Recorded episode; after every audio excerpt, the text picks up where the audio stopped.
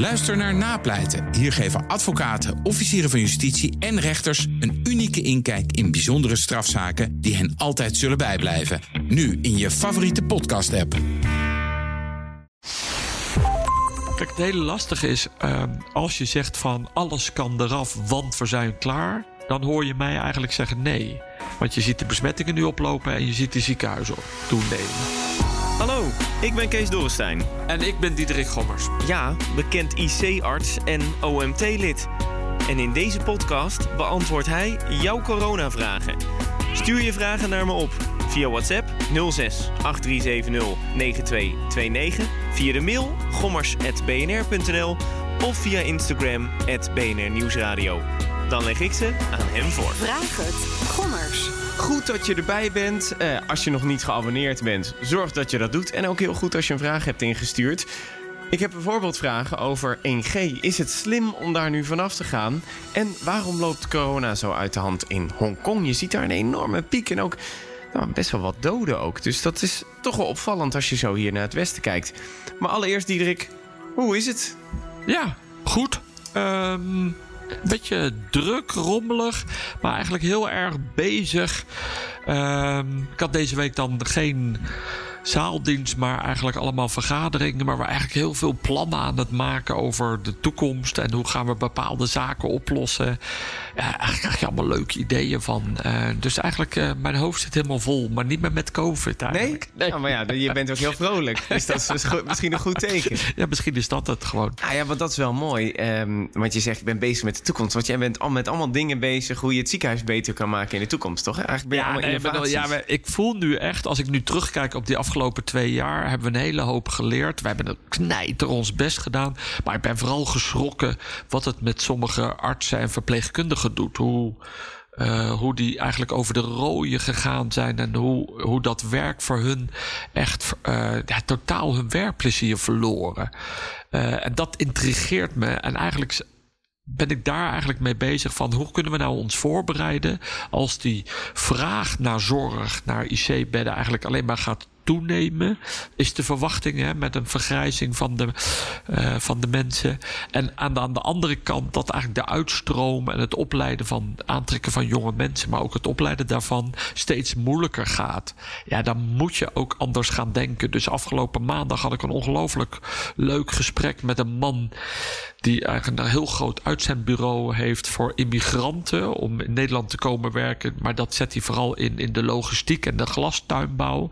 Maar deze man had mij uitgenodigd om ook eens te praten. Zou dat iets zijn voor IC-verpleegkundigen? En dan hebben ze het idee omdat verpleegkundigen in uh, Indonesië en de Filipijnen, daar heb je hoge werkeloosheid.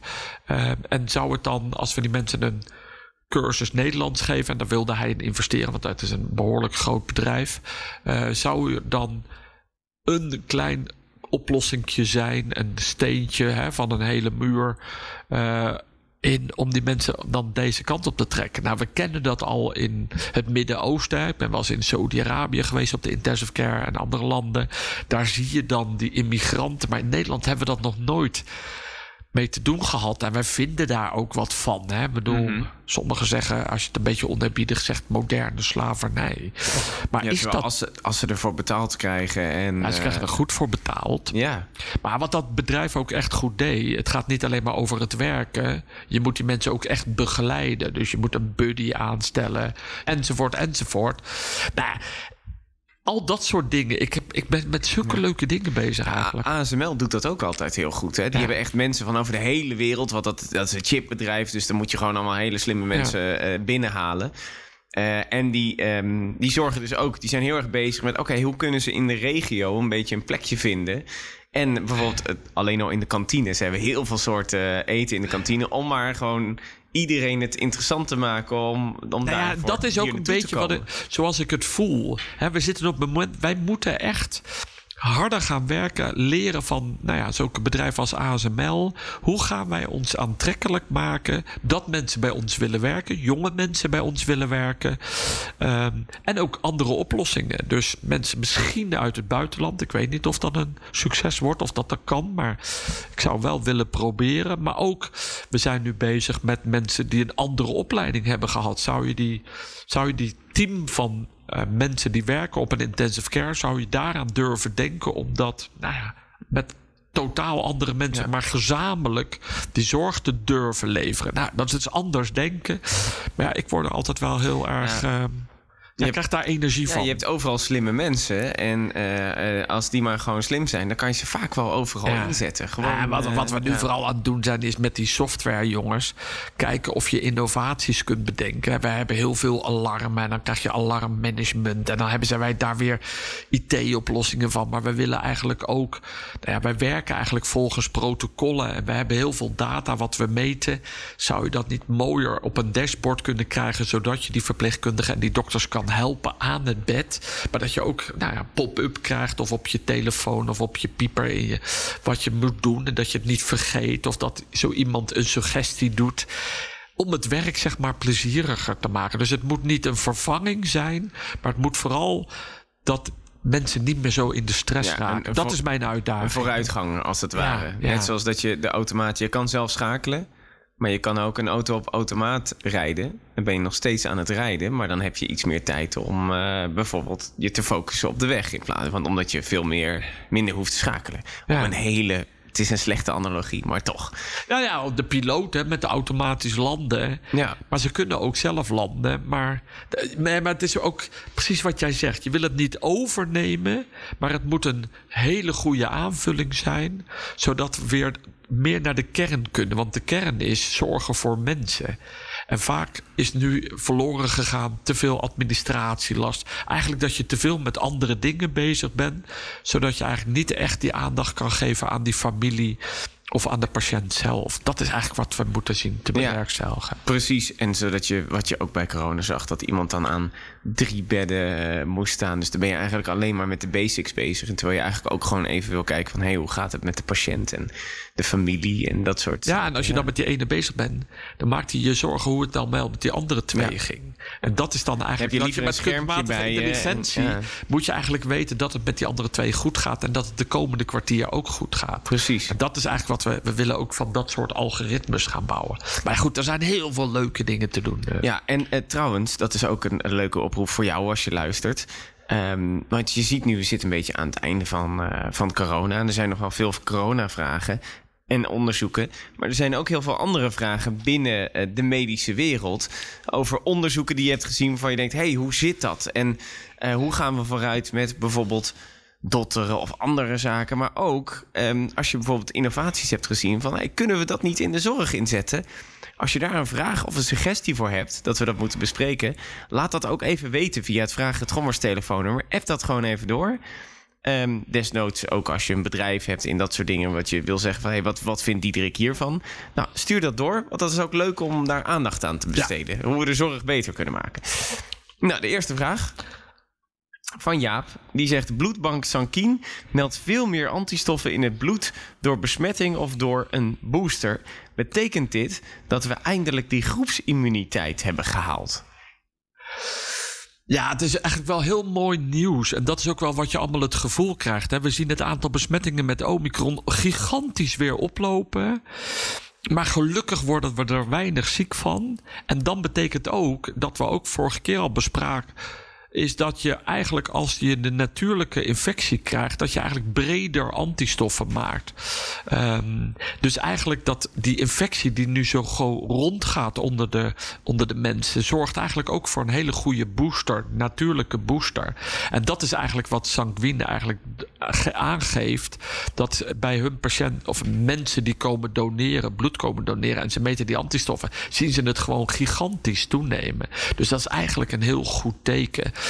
Uh, of we echt hè, die groepsimmuniteit, daar hebben we het vaker over gehad. We dachten vroeger in begin 2021 nog dat moet ergens zo rond de 70, 80 procent. Mm -hmm. Met die delta.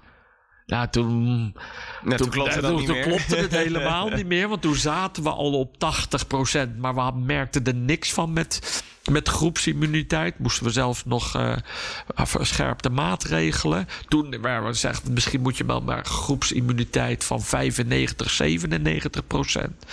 Ik weet niet precies wat nu de, uh, hoeveel antistoffen al of niet via het vaccin, dan uh, via natuurlijke weg.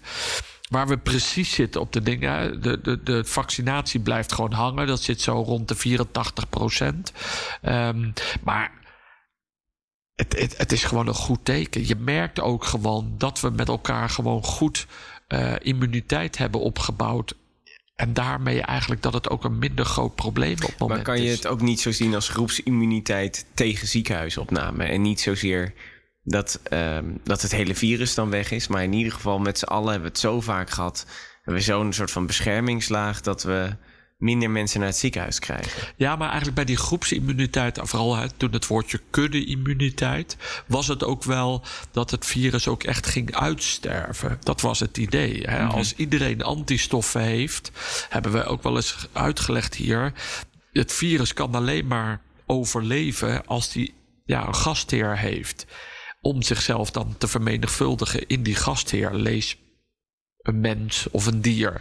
Op het moment dat iedereen antistoffen heeft, ja, dan komt hij niet tot zijn recht. Dan komt hij wel in jouw neus, maar mm -hmm. dan stopt het. En als ja. hij zich niet kan vermenigvuldigen, kan hij zich ook niet verspreiden. Uiteindelijk ben je het virus kwijt. Dat hebben we met andere virussen hebben we dat wel eens gezien met SARS. Ja. Nou, of, de, of we zover komen, dat weet ik eigenlijk niet. Maar het gaat eigenlijk, als je nu ziet hoe dat nu met die Omicron gaat, gaat het wel erg de goede kant op in Nederland. Maar ja, er is nog. Nederland Maar de- is maar een heel klein landje. Ja, de, de goede kant op qua dat mensen niet naar het ziekenhuis komen. Dus, want uiteindelijk blijven mensen het wel krijgen en, en anderen aansteken. Ja, maar de vraag is. Als je, hè, want sommige mensen krijgen twee keer Omicron. Uiteindelijk bouw je meer antistoffen op. Op een gegeven moment krijg je het ook niet meer. Want die, want die ziekenhuisopnames, ja, die zien we nu toch weer, weer langzaam weer wat eh, toenemen. Ja, maar IC niet, toch? Nee, IC Nee. niet, maar de ziekenhuisopnames wel. Ja, maar dat is langzaam, dus dat is niet zo extreem zoals in de vorige golven. Nee, veel, veel lager. En ook, we zien ook gewoon, omdat er ook we relatief laat waren met de booster. Maar dat die booster nu nog werkt. En die booster beschermt gigantisch. Hè? En van vijf- 50% naar eh, net in de 90% beschermt die tegen ziekenhuisopname. Het verschil tussen basisvaccinatie en basisvaccinatie plus een booster. Ja. Dan naar een vraag die heel vaak is gesteld. Onder andere van Simone, Frederik, Sanne, Miranda en Tony. Die zeggen de besmettingen stijgen, maar de ziekenhuisopnames amper.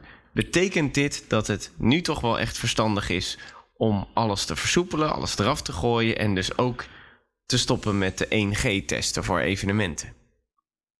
Oeh, dat zijn wel alle hele hoop dingen door elkaar.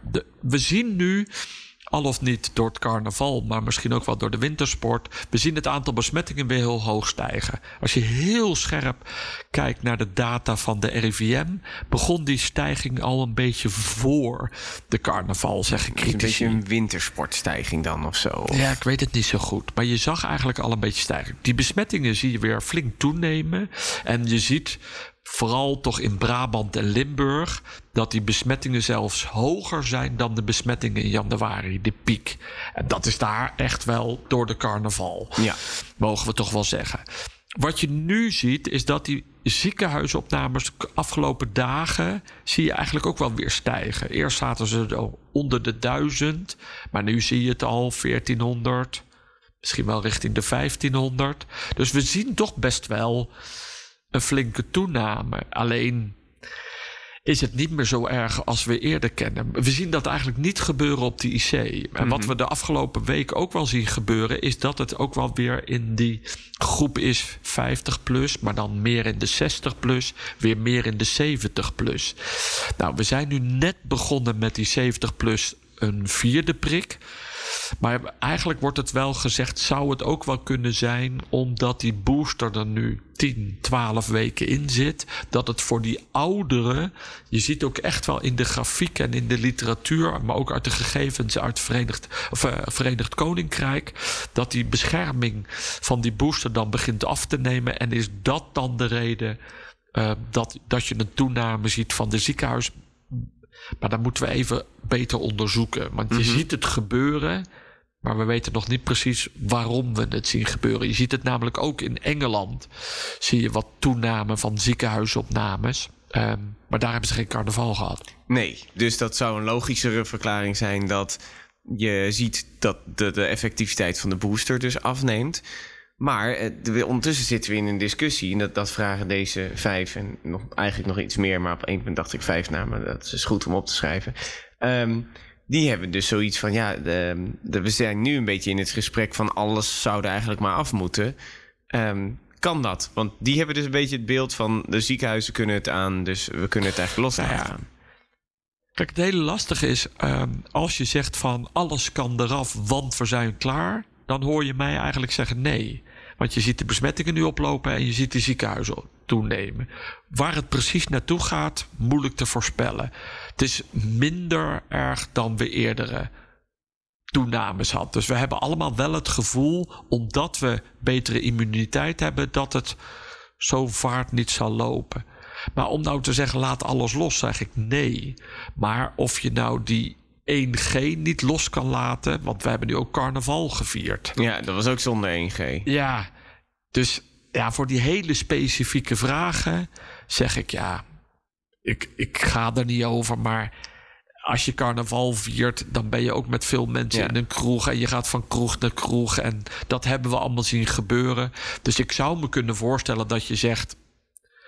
Eh 1G om, om bepaalde feesten eh, hè, binnen, Ja. weet ik veel wat, hoeveel mensen. Ja, want op zich carnaval, dat ging echt om tienduizenden mensen. En dan heb je zo'n feest. Ja, Ja. op zich. Ja. Je, je- Kijk, wat ik lastiger om vind nu, Mhm. is dat je die besmettingen ziet toenemen. En ook wel wel dus, hè, dus die ziekenhuisopnames. En dat toch ook wel weer in een bepaalde leeftijdscategorie.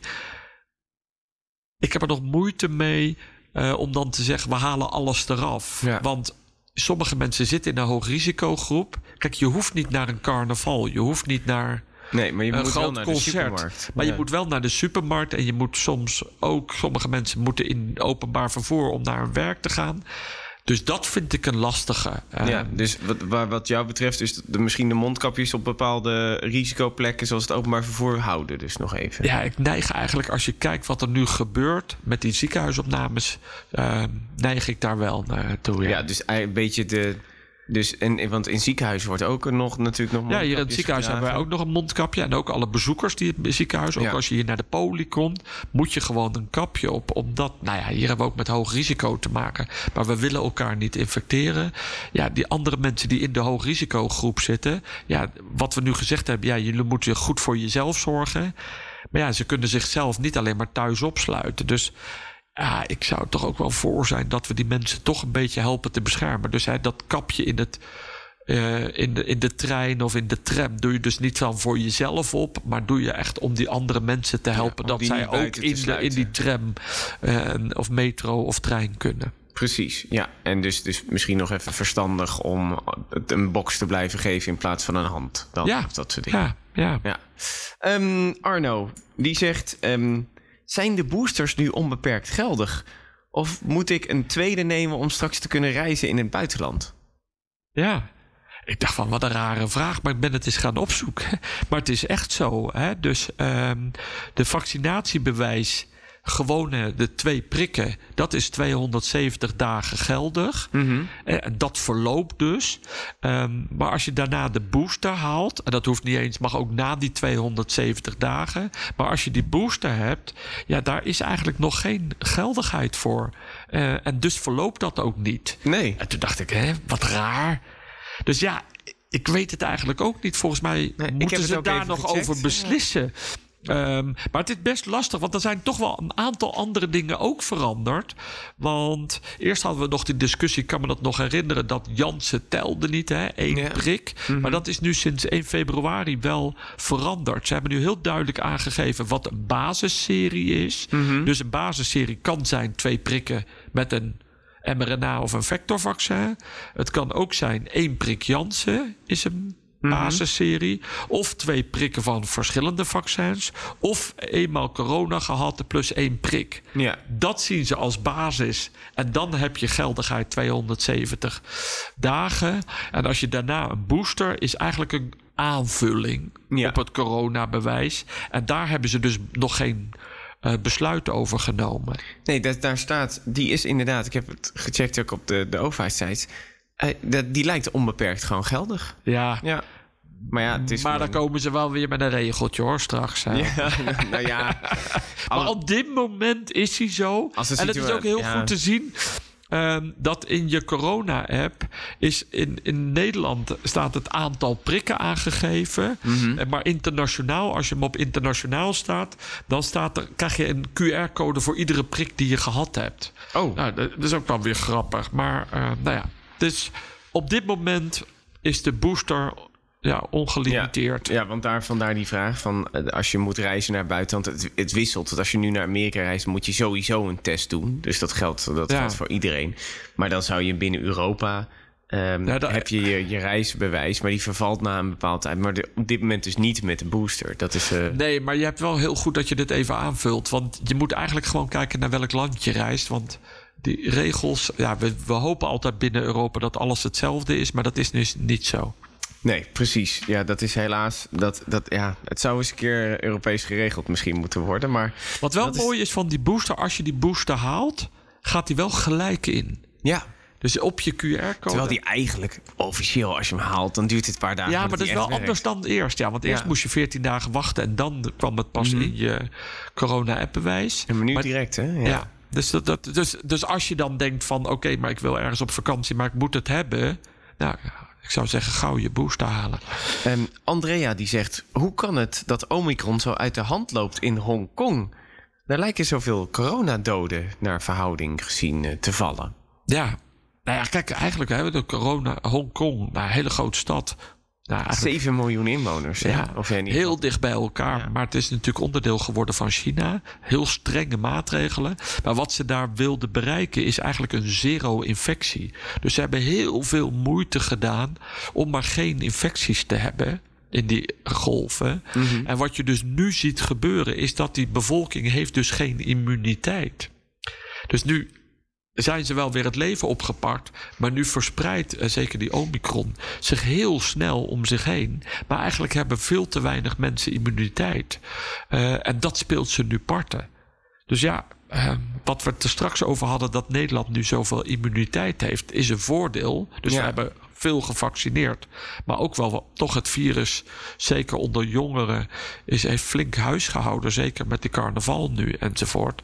Ehm, terwijl ze dat in Hongkong hebben ze de hele tijd bovenop gezeten. Snel scherpe maatregelen. Maar uiteindelijk heb je dus ook een beetje infecties, natuurlijke infecties nodig. En een hoge vaccinatiegraad. Ja, precies. Dat, ik weet de vaccinatiegraad in Hongkong niet eigenlijk. Nee, heb ik Dat niet opgezocht. eh, Maar dit, het heeft dus echt te maken met dat, dat het dat ontbreekt te aan strenge maatregelen hebt gehad eigenlijk Ja. daarvoor. Dat is met Ja. de Omicron-variant moet je op één punt ook gewoon eh, eh, het een beetje loslaten om, Ja. om maar dat te kunnen creëren. Ja, maar dus nu laten ze het los met die Omicron. Maar nu gaat het verkeerd. Want nu is het dus eigenlijk. ehm, kijk, met je booster had je een hoge ziekenhuisbescherming. Hè, hebben we net gezegd, hè, rond de 92% 94% En dat helpt voor de ouderen. En als zij natuurlijk te laag zitten in hun vaccinatie en booster...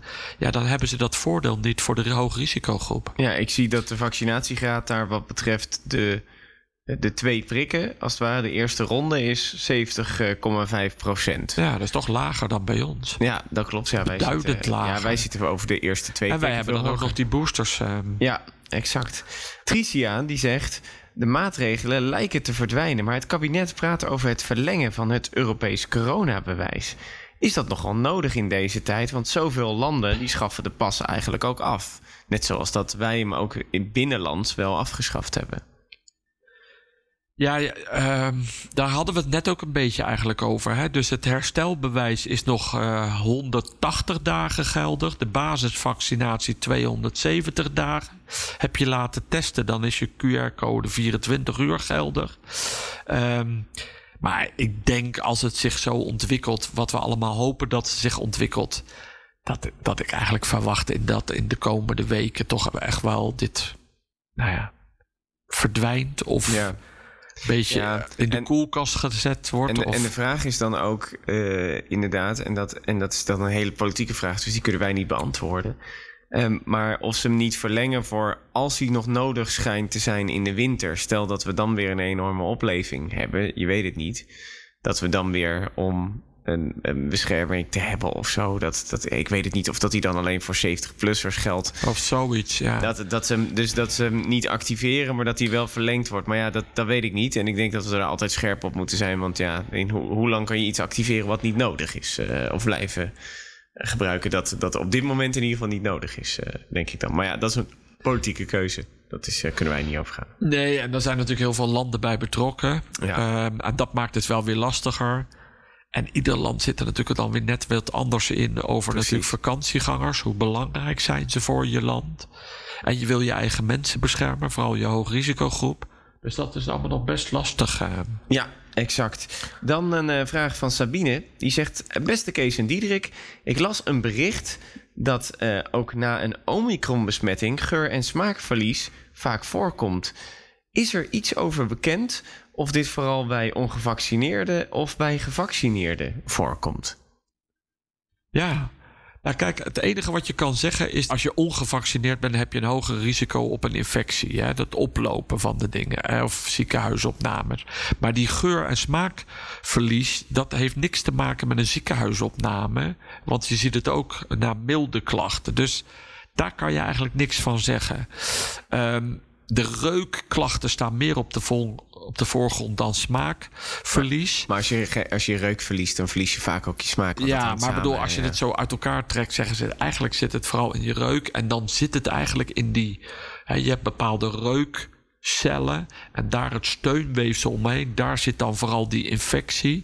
Dus je zou je kunnen voorstellen: oké, met vaccineren voorkom je dat daar schade ontstaat in die rond die reukorganen. Dus ja, maar dan ga ik het een beetje beredeneren. Ja. Want ik, er is geen artikel die dat zo beschrijft, die het zo heeft uitgezocht. Eh, ik kon het niet vinden. Nee, Ehm, Ik ken mensen die zowel gevaccineerd als ongevaccineerd zijn, eh, die het beide hebben gehad. Dus dat ze Ja. beide geur en smaak gewoon zijn Ja. verloren. Dus, eh, maar dat is, dat is ook maar een beperkte groep. ja, maar je hoort het ook namelijk. Het, het, het is iets wat bij virusinfecties hoort. Dus het is het. Want eerst dachten we van, ja, dit is zo specifiek. Als je dat hebt, moet je dan in quarantaine. Ehm, want heb je dan eh, zeker COVID? Nee, want je kan ook gewoon griep hebben. Dan kan, schijnt het ook voor te komen. Maar omdat we nu zoveel met elkaar COVID hebben gehad, valt het ook echt op Ja. dat mensen het ook hebben. Maar het is bekend dat je het ook bij andere virusinfecties kan oplopen. Maar het is wel een hele hardnekkige klacht. Kan, bij sommige mensen duren, verdwijnt het eh, snel. Maar bij een grote groep blijft het best lang bestaan. Dus Ja. het is ook een van de symptomen toch wel van long COVID. En het lijkt zo onschuldig. Denk je, ja, oké, mijn reuk kwijt. Maar niks smaakt je meer. Nee. En soms heb je ook een hele andere sensatie. Dat het echt een, een, een, een relatie brengt met, met, met heel, iets heel vies. Ehm, Ja. dus, dus het is echt wel, nou, echt wel echt vervelend. Ja, ik, ik zag dat nog wel om er toch nog een klein beetje een positieve draai aan te geven. Ik zag een, eh, eh, iemand op TikTok volgens mij voorbij komen. Die had dit ook. En die had een ui geschild. En die nam gewoon een volle hap. Zo uit een ui. Maar echt alsof je een appel aan het eten bent. En die koude dat gewoon zo rustig op. En, eh, en die, deed zo, die rook een beetje zo eh, aan zijn adem. Maar die, die proefde dus helemaal niks. En dat deed hij gewoon om het te bewijzen. En die eet nu dus allemaal hele vieze dingen om te, te laten zien dat hij niks proeft. Ehm, dan nog even een vraag van Rob. Tot slot, die zegt... eh, beste Kees en Diederik, tijdens de carnaval zijn een vriend en ik besmet geraakt. Ik ben twee dagen ziek geweest en alweer bijna hersteld. Die maat is heftig ziek geweest. Langer en ook eh, meer koorts. Eh, maar hij beschrijft ook een soort van cyclisch patroon. Zo kon ik een dag echt een kilometer met hem lopen. Gewandeld en gekletst. Niks aan de hand. Maar die avond gaat het dan weer een stuk slechter met hem. Hij heeft longklachten. Hij is eh, doodmoe en weer koorts. Is dat cyclische beeld van eh, corona en dus van Omicron bekend? En wat weten we hierover? Ja. Ehm, indrukwekkend beeld eigenlijk. En vooral ook het verhaal dat je eigenlijk gewoon kunt wandelen. Want meestal hebben mensen heel erg vermoeidheidsklachten. Maar sommigen zeggen ook wel dat het een beetje golfbeweging. Het is er en het Ja. komt weer terug. Maar die cyclische, die had ik nog niet zo gehoord eigenlijk. Dat het dan verschilt tussen dag en nacht. Maar we kennen dat wel. We kennen wel van dag-nachtritme, hoe belangrijk slapen is en eigenlijk ook hoe slecht nachtdiensten zijn. Hè? Dus het dag-nachtritme omdraaien en dan s'nachts moeten werken. Het blijkt ook, hè, wij, wij hier in het ziekenhuis door nachtdiensten te draaien, dan die mensen die dat doen, die overlijden ook eerder. Echt? Dus het, ja, dus het is echt nachtdiensten. Dat maakt me een beetje zorgen, want ik doe Ja, eh, nou, vaak de ochtenddienst. ja, daar- moet je toch mee oppassen. Want ja, dus als je naar de grote groep, niet naar de individu, maar naar de grote groep kijkt, is, is dat echt slechter. En, en het heeft te maken met je biologische klok. Hè? Dus het is je hele hormoonhuishouding, je suiker, maar ook allerlei andere hormonen. Die, en het, zeg maar, het opbouwen van je voedsel en het juist eh, opslaan van reserves. Daar zit een groot verschil tussen dag en nacht. En dus ook met je afweer. Dus er zit ook in je afweer ben je actiever overdag en minder actief s'nachts. Dus eigenlijk ga je s'nachts in een soort ja, winterslaap. Hè. Je, je schakelt eigenlijk alles even uit, zodat het kan herstellen. Maar of dat nou de verklaring kan zijn van de beschrijving die zij geven met COVID.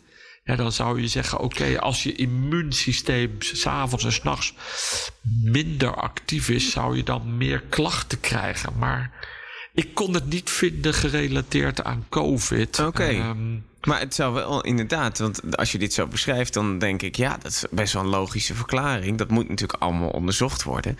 Maar dat je inderdaad, dan heeft hij s'avonds, s ochtends en overdag veel van zijn lichaam gevraagd door te gaan wandelen en dat soort dingen. En ja, je lichaam is toch nog steeds aan het herstellen. En als die, dat herstel in de avond wat minder is, dan, dan krijgt hij misschien een soort van een terugslag van, ja, ja, ja. want hij, ze beschrijven daar dat hij meer koorts kreeg en dat soort dingen. Ja. Ja.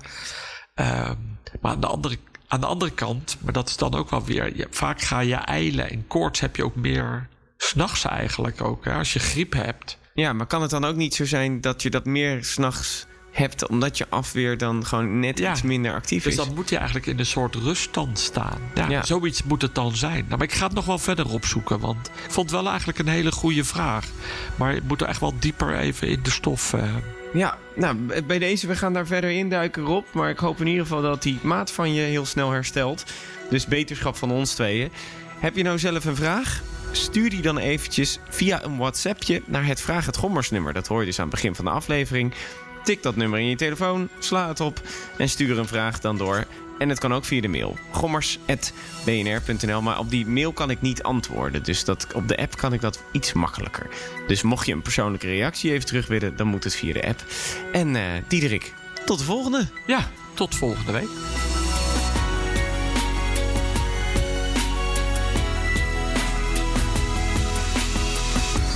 Vraag het. Gommers. Gommers.